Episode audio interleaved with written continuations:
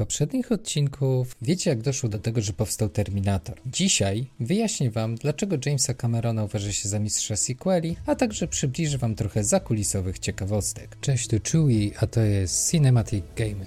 Come with me if you want to live.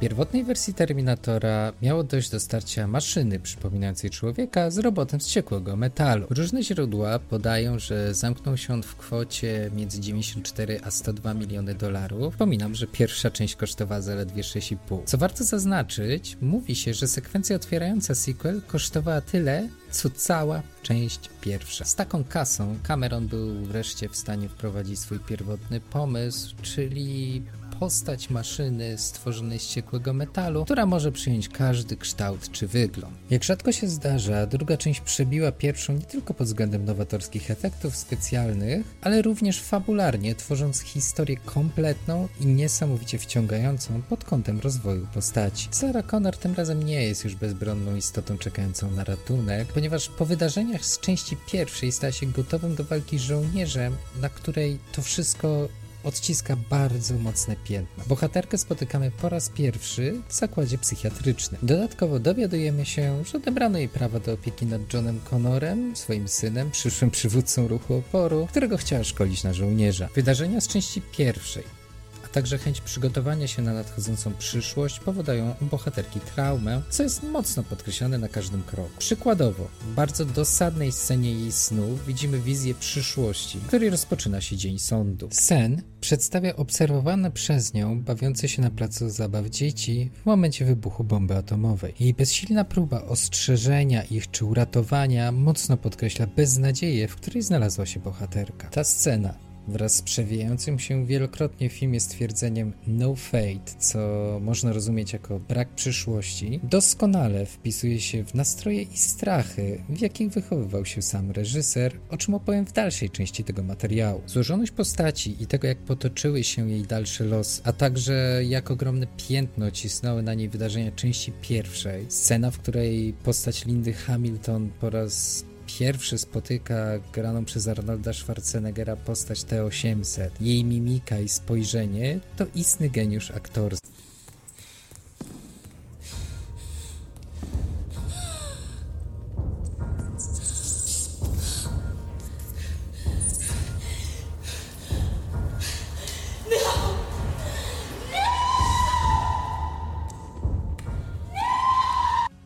Całość to autentyczny przykład tego, jak twórca podchodzi z szacunkiem do swojego dzieła, ale również do widza. Film pokazuje, że tę historię dało się kontynuować i opowiedzieć dalej, mocno ją rozwinąć i uzupełnić. W ten sposób reżyser stworzył dzieło kompletne, które osobiście obok obcy decydujące starcie, skądinąd również Camerona, uważam za jedną z najlepszych kontynuacji w historii kina. To nad czym ubolewam, to to, że kolejne części serii, a było ich jeszcze cztery, właściwie poza Terminator Zbawienie, nie próbowały rozwijać serii, pokazać czegoś nowego, a raczej szły w kierunku odcinania kuponów odpowiadając w kółko tę samą historię. Nawet ostatnia część reżyserii Tima Millera, który wkupił się w łaski Hollywood Deadpoolem, z Jamesem Cameronem, który był pomysłodawcą scenariusza i czuwał nad całym projektem, mimo powrotu Arnolda Schwarzeneggera oraz Lindy Hamilton do swoich ikonicznych ról, nie byli oni w stanie pchnąć tego dalej. Mimo tej, nazwijmy to, wtopy, bez wstydu można powiedzieć, że James Cameron i tak jest geniuszem. Nikt nie odbierze Cameronowi tego, że ciężką pracą, pomysłowością, a także zaangażowaniem w rozwój kinematografii doprowadził do tego, że jego nazwisko jest również synonimem sukcesu komercyjnego, czego najlepszym dowodem jest sequel Awatara, który wszedł 13 lat po premierze części pierwszej i zbija niesamowite kokosy w światowym box office. W końcu, kto miałby to osiągnąć, jak nie właśnie James Cameron? I'm the king of the world! Niejednokrotnie już podkreślałem, że seria o Terminatorze wiąże się z masą niesamowitych historii czy ciekawostek i chyba nadszedł ten czas, by przybliżył wam kilka z nich. Opowiadając o śnie Sary Connor, wspomniałem o atomowej fobii Camerona. Większość jego dzieł zawiera aspekt wykorzystania i przypominania, jakim złem i zagrożeniem jest bomba atomowa. Seria o Terminatorze to zagłada nuklearna ludzkości. Głębia ludzkość, która ma zostać zniszczona przez kosmiczną cywilizację, zanim doprowadzi do wojny nuklearnej. Prawdziwe kłamstwa. Terroryści zdobywają broń nuklearną i grożą USA. Wyjątkiem od reguły jest obcy decydujące starcie, gdzie niszczycielska siła broni atomowej przedstawiana jest jako jedyna rzecz, która może doprowadzić do ocalenia przed zagrożeniem ze strony ksenomorfów. Ten aspekt, czy też motyw, wynika z tego, że reżyser wychował się w latach 60. ubiegłego wieku, a więc w czasie zdominowanym przez testy jądrowe i wyścig zbrojeń pomiędzy ZSRR a USA. Wtedy narracja i zapędy ludzkości wywoływały w ludziach strach, że w każdej chwili mogą zniknąć wraz z nuklearnym błyskiem. Co idealnie właśnie przedstawia sen Sary Connor z drugiej części, o której opowiadałem chwilę temu. A skoro już jesteśmy przy Sarze Connor, ciekawostką dotyczącą tej postaci jest to, że gdy Cameron pisał scenariusz do pierwszego Terminatora, to za jej inspirację posłużyła mu Sharon Williams, czyli jego pierwsza żona.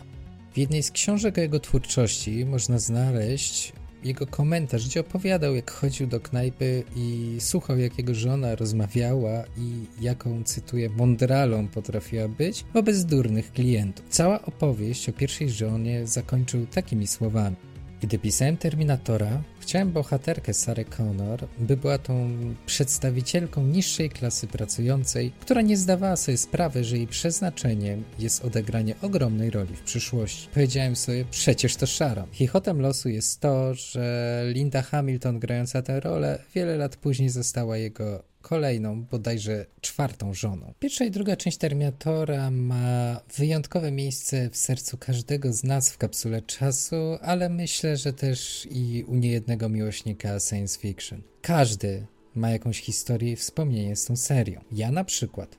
Pamiętam, że pierwszą część obejrzałem w któreś wakacje w wieku lat bodajże sześciu, gdy wypożyczyliśmy go na VHS ze starszą siostrą, bez wiedzy rodziców i obejrzeliśmy. Nie ukrywam, byłem w szoku, że mój bohater kina akcji, Arnold Schwarzenegger, jest czarnym charakterem. Dwie pierwsze części Terminatora to filmy, do których wracam z ogromną przyjemnością co jakiś czas. Reprezentują one wszystko, czego brakuje współczesnym produkcjom, mają świetną, kompletną historię z bohaterami, których się lubi i podziwia. Bohaterów, którzy muszą zawalczyć o swoje, a nie dostają, tak jak to ma miejsce współcześnie, wszystko na tacy. Postaci niesamowicie ludzkie, z rozmaitymi wadami i mocno niejednoznaczne ich poczynania, ich walka o przetrwanie, we wszystkim wyczuwalna jest ogromna stawka i poczucie, że jeden mały błąd najpewniej będzie skutkować ich śmiercią, a co za tym idzie, najpewniej przegraną ludzkości w wojnie ze Skynet. Ogromna dramaturgia i trudne, nie zawsze moralne decyzje czy wybory. Przykład? Napaść Sary Connor na Milesa Dysona w jego własnym domu na oczach żony i małego synka z planem zabicia go za coś, czego jeszcze nie zrobił.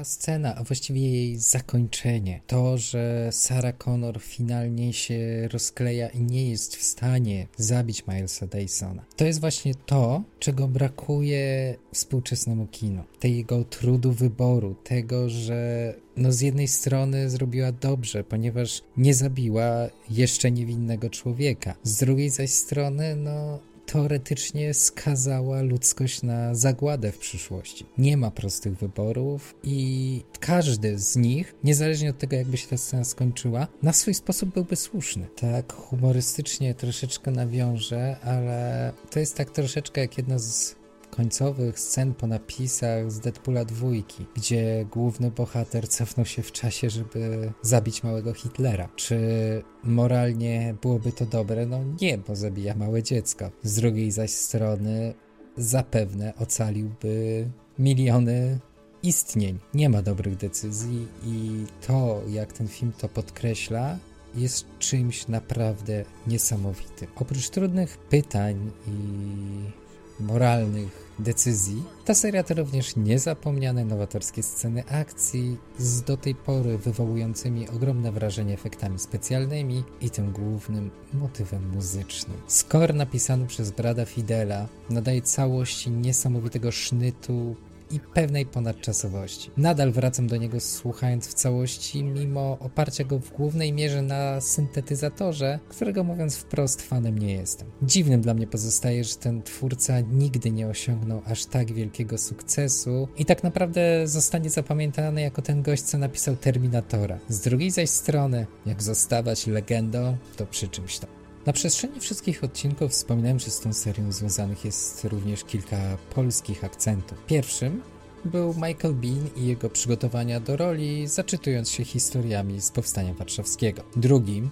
jest to, że pracujący przy tych dziełach Adam Greenberg, nominowany do Oscara za zdjęcia do części drugiej, urodził się w 1939 roku w Krakowie. Z Krakowem wiąże się również jeszcze jedna ciekawostka. W tym mieście powstała w mojej opinii najlepsza gra na podstawie elektrycznego mordercy, a mianowicie Terminator Resistance. Ta trzecia ciekawostka Właściwie wątek polski jest moim ulubionym. Dlaczego? Dowiecie się w kolejnym odcinku. To był Chewy i Cinematic Gamer.